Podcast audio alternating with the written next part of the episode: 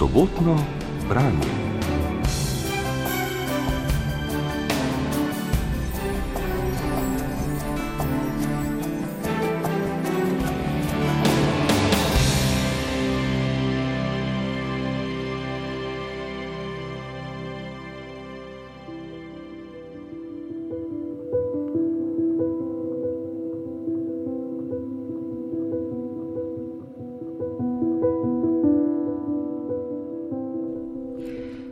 Založba Mladinska knjiga je februarja letos izdala knjigo Preživeli ruske pisateljice Jane Wagner. Gre za drugi del izvrstnega distopičnega trilerja Pandemija, ki je pred dvema letoma ob izbruhu novega koronavirusa prišel na police slovenskih knjigarn. Tudi tokrat se je slovenski prevod ujel z neverjetnim zgodovinskim trenutkom. 24. februarja je Rusija napadla Ukrajino.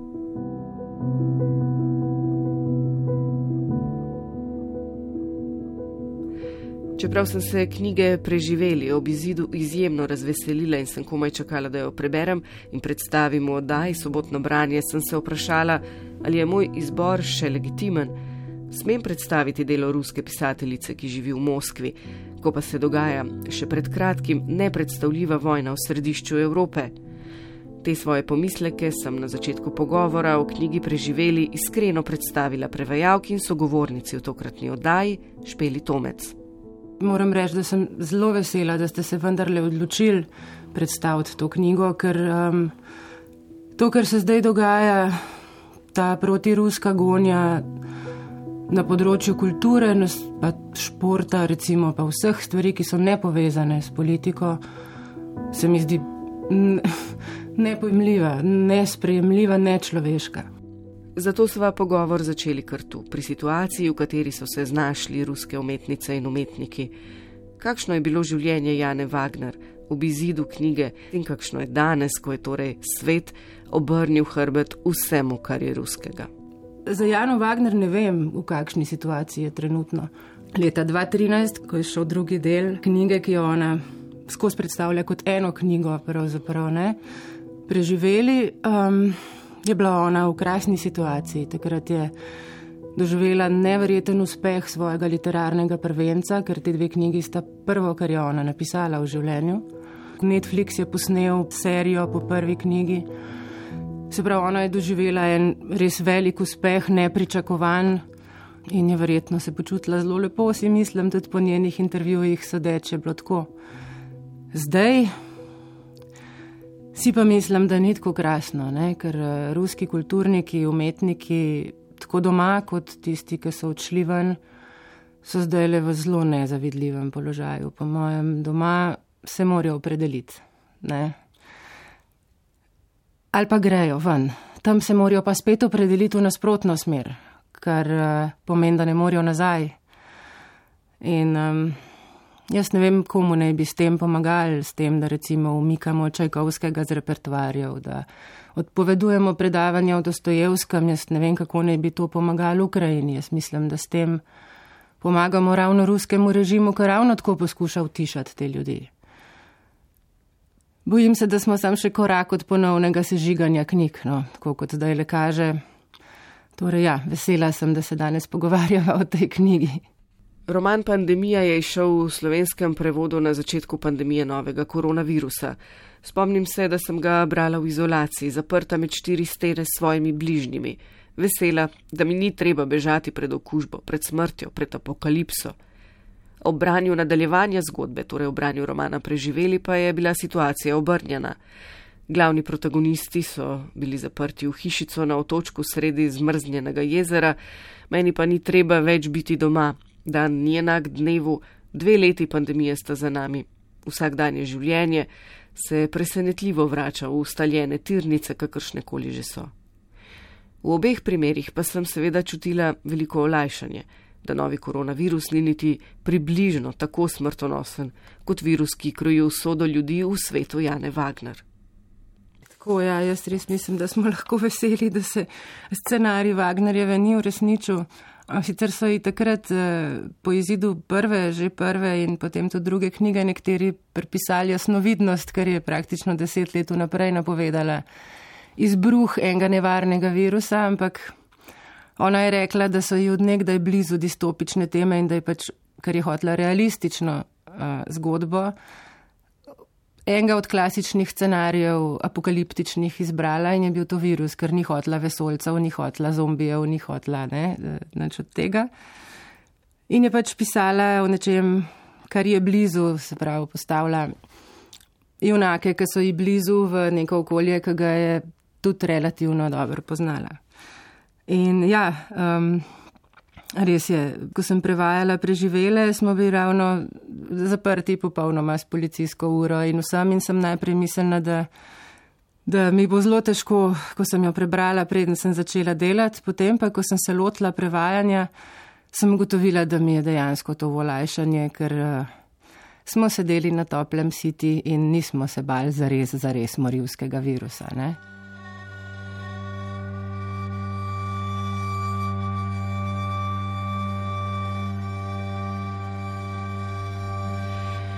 Pisateljica oba dela predstavlja kot celoto z naslovom Knjiga o koncu sveta, pojasnjuje Špela Tomec. Zgodbo pripoveduje 36-letna Anja, ki je z najstniškim sinom Mišo in možem Serjožo uspelo pobegniti iz kaotične apokaliptične Moskve, kjer je smrtonosen virus pobil skoraj da vse. V kolibo na otočku sredi zaledenelega jezera v tajgi ob rusko-finski meji se zatečejo še z drugimi prebežniki, ki smo jih spoznali v prvem delu. Med njimi sta Serjoževa nekdanja žena Ira in njun petletni sin. Če so prej šibali in je bila pot in beg, jih je potem zaprla na otoček, kjer so bili izolirani od vsega in jih je še vedno ogrožal virus, ker niso niti vedeli, koliko ljudi je pobil, koliko jih ogroža, hkrati jih je pa ogrožala še narava tik pod arktičnim krogom. Ne. Prva knjiga je pravzaprav zelo dinamična, um, vsaka sekunda je pomembna v begu pred morilskim virusom. Ko pa enkrat pridejo na cilj, uh, se pa to čist spremeni, se pravi, ker naenkrat so izolirani, zaprti na enem zelo omejenem prostorčku, eni podirajoči se kočici, ki pri vseh špranjah piha vanjo zmanjkuje jim hrane, ne vejo, kako bojo preživeli zimo, omejuje jih pa sama narava, ne? najbolj se pravi. Benzina nimajo, nafte nimajo, avtomobili so obstali na bregu, nimajo kam po tistem snegu, ledu, pravzaprav so ne, nepokretni, tako rekoč. In uh, vedno bolj v tem tesnenem okolju se začne kazati, da so breme en drugmu, da so najhujši problem ti medsebojni odnosi, te predsotki, strahovi, občutki, nemoči, vse to, kar je vsak od njih prinesel s sabo in je zdaj nabasano med te štiri stene, plus vse stres, seveda, ki sem ga že omenila. Um, in doživljanje časa se tudi zelo spremeni v drugem romanu. Ne? Se pravi, čas se razvleče v neskončnost. Vsi dnevi so enaki, veliko vlogo pri tem igra tudi ta tema. Tam gor na severu, ki se mesece sploh ne zdani. In zato recimo Anja tako obsedeno šteje dneve. Ne. Vsako jutro, ko se zbudi, najprej pove, kjer datum je, vsem, da bojo vedeli, da ne bi slučajno zgubila nadzora, da ji ne bi čas ušel. Um, in tukaj se mi zdi, jaz sem se med prevajanjem, nisem si mogla kaj, da ne bi na Sartra pomislila tukaj. Ne.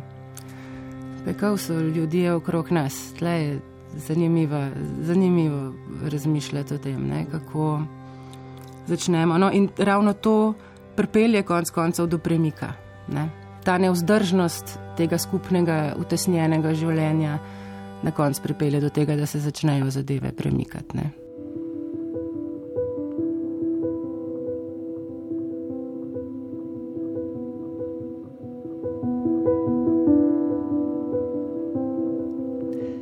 Potem smo stekle domov, dejansko smo tekle in si podajale težko klenkajoče vedro, v katerem se je čisto na vrhu, na kupu mlahavih črnovk, pozibavala tausta praznična postaru. Tekle smo in se še vedno hihitale, in otroka, ki sta se nas trudila dohajati, sta vriskala in se smejala z nami, ne da bi vedela, kaj natanko nas je tako razveselilo. Zadoščalo ima je, da se končno spet smejimo. Hoteli smo čim prej priti do hiše in pripraviti to ribo, narediti iz nje nekaj slastnega, drugačnega od večne redke, plehke juhe, jo predložiti kot dokaz, da znamo same izmakniti, izmamiti neprijaznemu, strašnemu jezeru skoraj polno vedro življenja. Planile smo v hišo, v tistem trenutku popolnoma slepe za utesnjenost in revščino. Naložile drva v ohlajeno peč in se malce pogrele ob njej. Potem pa takoj spet zdrvele ven, ker res nismo hoteli, da bi obtovčena, emajlirana posoda pokvarila slovesno vzdušje ob našem prvem ulovu.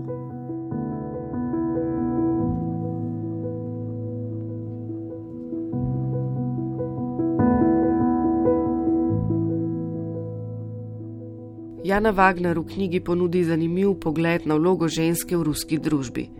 Prizor, ko ženske same, brez moških, skupnimi močmi, ujamejo veliko prostoru, pokaže, da je moč žensk v sodelovanju. Njihove izpovedi, ki se zvrstijo po tem ulovu, ko se skupaj napijajo in po dolgih mesecih končno zbližajo, pa razkrijajo resnične omejitve sodelovanja žensk v patriarhalni družbi, kjer se vsaka po svoje bojuje zase kjer si vsaka pravzaprav lahko izbira le obliko svoje kletke. Ja, res je. Um, te izpovedi njihove pijane so se tudi meni zdele, ja, eden od vrhuncev knjige. Predvsem se mi zdi, da na temelju tega, kako so ne, te njihove preteklosti, vsake od njih, ko vidimo, da je vloga ženske v ruski družbi pravzaprav še vedno ne, so obsojene na en tak individualen boj, če hočejo karkoli doseči. To je zelo patriarhalno okolje, še vedno. In potem vidimo premik v samem dogajanju, ko se ženske začnejo povezovati. Ta, ta primer s postrvijo je zelo dober. Predvsem se mi zdi pa zelo zgovoren konc knjige, ki ga zdaj ne bova izdali, ampak mislim, da dokazuje ravno to, da te ženske dojamejo da če se povežejo med sabo, um, lahko dosežejo praktično karkoli, nepredstavljivo. Ne?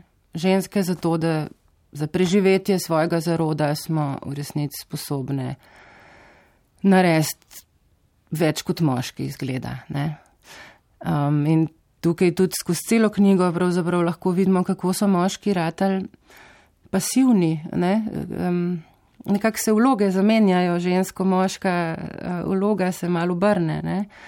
Razen recimo Serioža in njegovega očeta, ki več čas nekaj poskušata. Ne? Pa tudi ona dva se konc koncev ne bi premaknila, če ne bi Anja in Ira ju prisilili v to. Ne? Jana Wagner zimo in skrajne vremenske razmere opisuje neverjetno učinkovito, čeprav je tedni vroče, me ob branju knjige dobesedno zeblo. Prevajalka Špela Tomec slog pisanja Jane Wagner označi kot ekstremno realističen.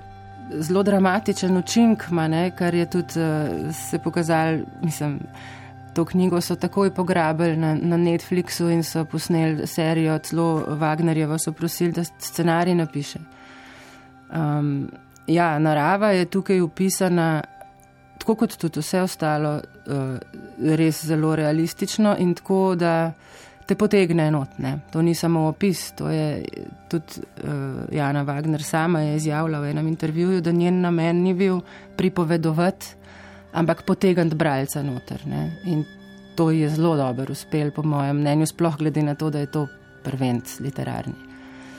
Um, zanimivo je recimo, da je um, prva knjiga um, Pandemija je izšla tako kot en fejton, ona ga je objavljala po poglavjih na svojem blogu. In eh, brez načrta, ona ni vedela, kako se bo to končalo, je pisala sprot in tle so jo usmerjali tudi odzivi, sprotni odzivi bralcev. Menda je na prvo poglavje se kar nekaj ljudi odzval panično, ker je bilo tako realistično napisano, da so mislili, da je resnična zgodba.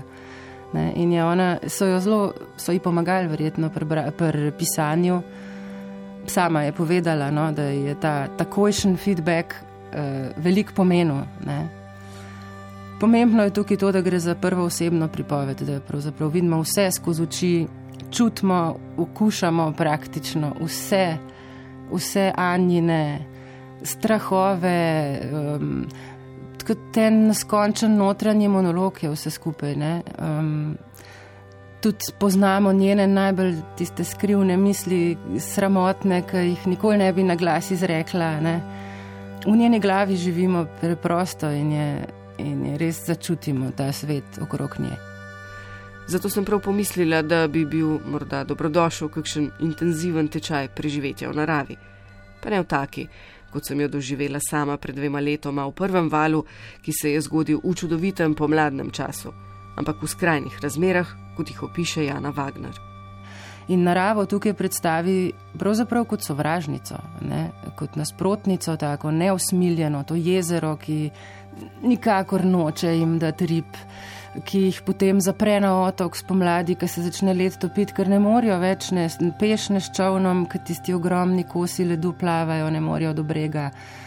Šele potem poleti ne, pove, kako je jezero zdaj eh, pohlevno, kako se jih je končno usmilo in jih začelo zalagati s hrano.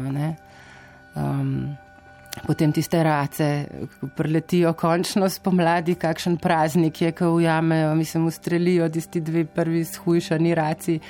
Ne, in tako, ja. Um, Zelo dobro se mi zdi prikazana ta surova, surova tajga, ki praktično onemogoča preživetje človeku, ne? če ni tam doma. In tukaj je tudi ne, pomemben faktor. Sem so prišli eni razvajeni mestni ljudje, vajeni obdobja varnosti, tople vode, vsega, kar imamo v mestih. Ne? Absolutno nesposobni preživeti v divjini, v taki divjini pa sploh. To tam zelo dobro vidimo in jaz sem ob tem se res zamislila, koliko od nas koliko bi nas bilo sposobnih preživeti, če recimo zdaj le ugasne elektrika, zmanjka vsega, ni več, ni trgovin, ni ničesar, gost. Mislim, da redko kdo. Poleg narave je v knjigi še ena nevarnost, ki ogroža prebežnike na otočku: trije moški, ki se naselijo v hiši na bregu jezera. Pa da ne razkrijemo vsega, naj bo to vse o knjigi preživeli ruske pisateljice Jane Wagner ki je v prevodu današnje sogovornice, prevajalke Špele Tomec, išla pri založbi Mladinska knjiga.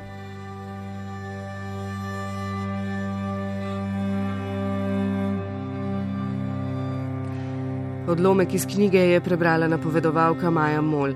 Rudi Pančur je izbral glasbo, zato je skrbel Miha Klemenčič, oddajo sem pripravila Urška Henigman. Za več bralskih priporočil vas vabimo, da se na sobotno branje naročite v svoji aplikaciji za podkaste.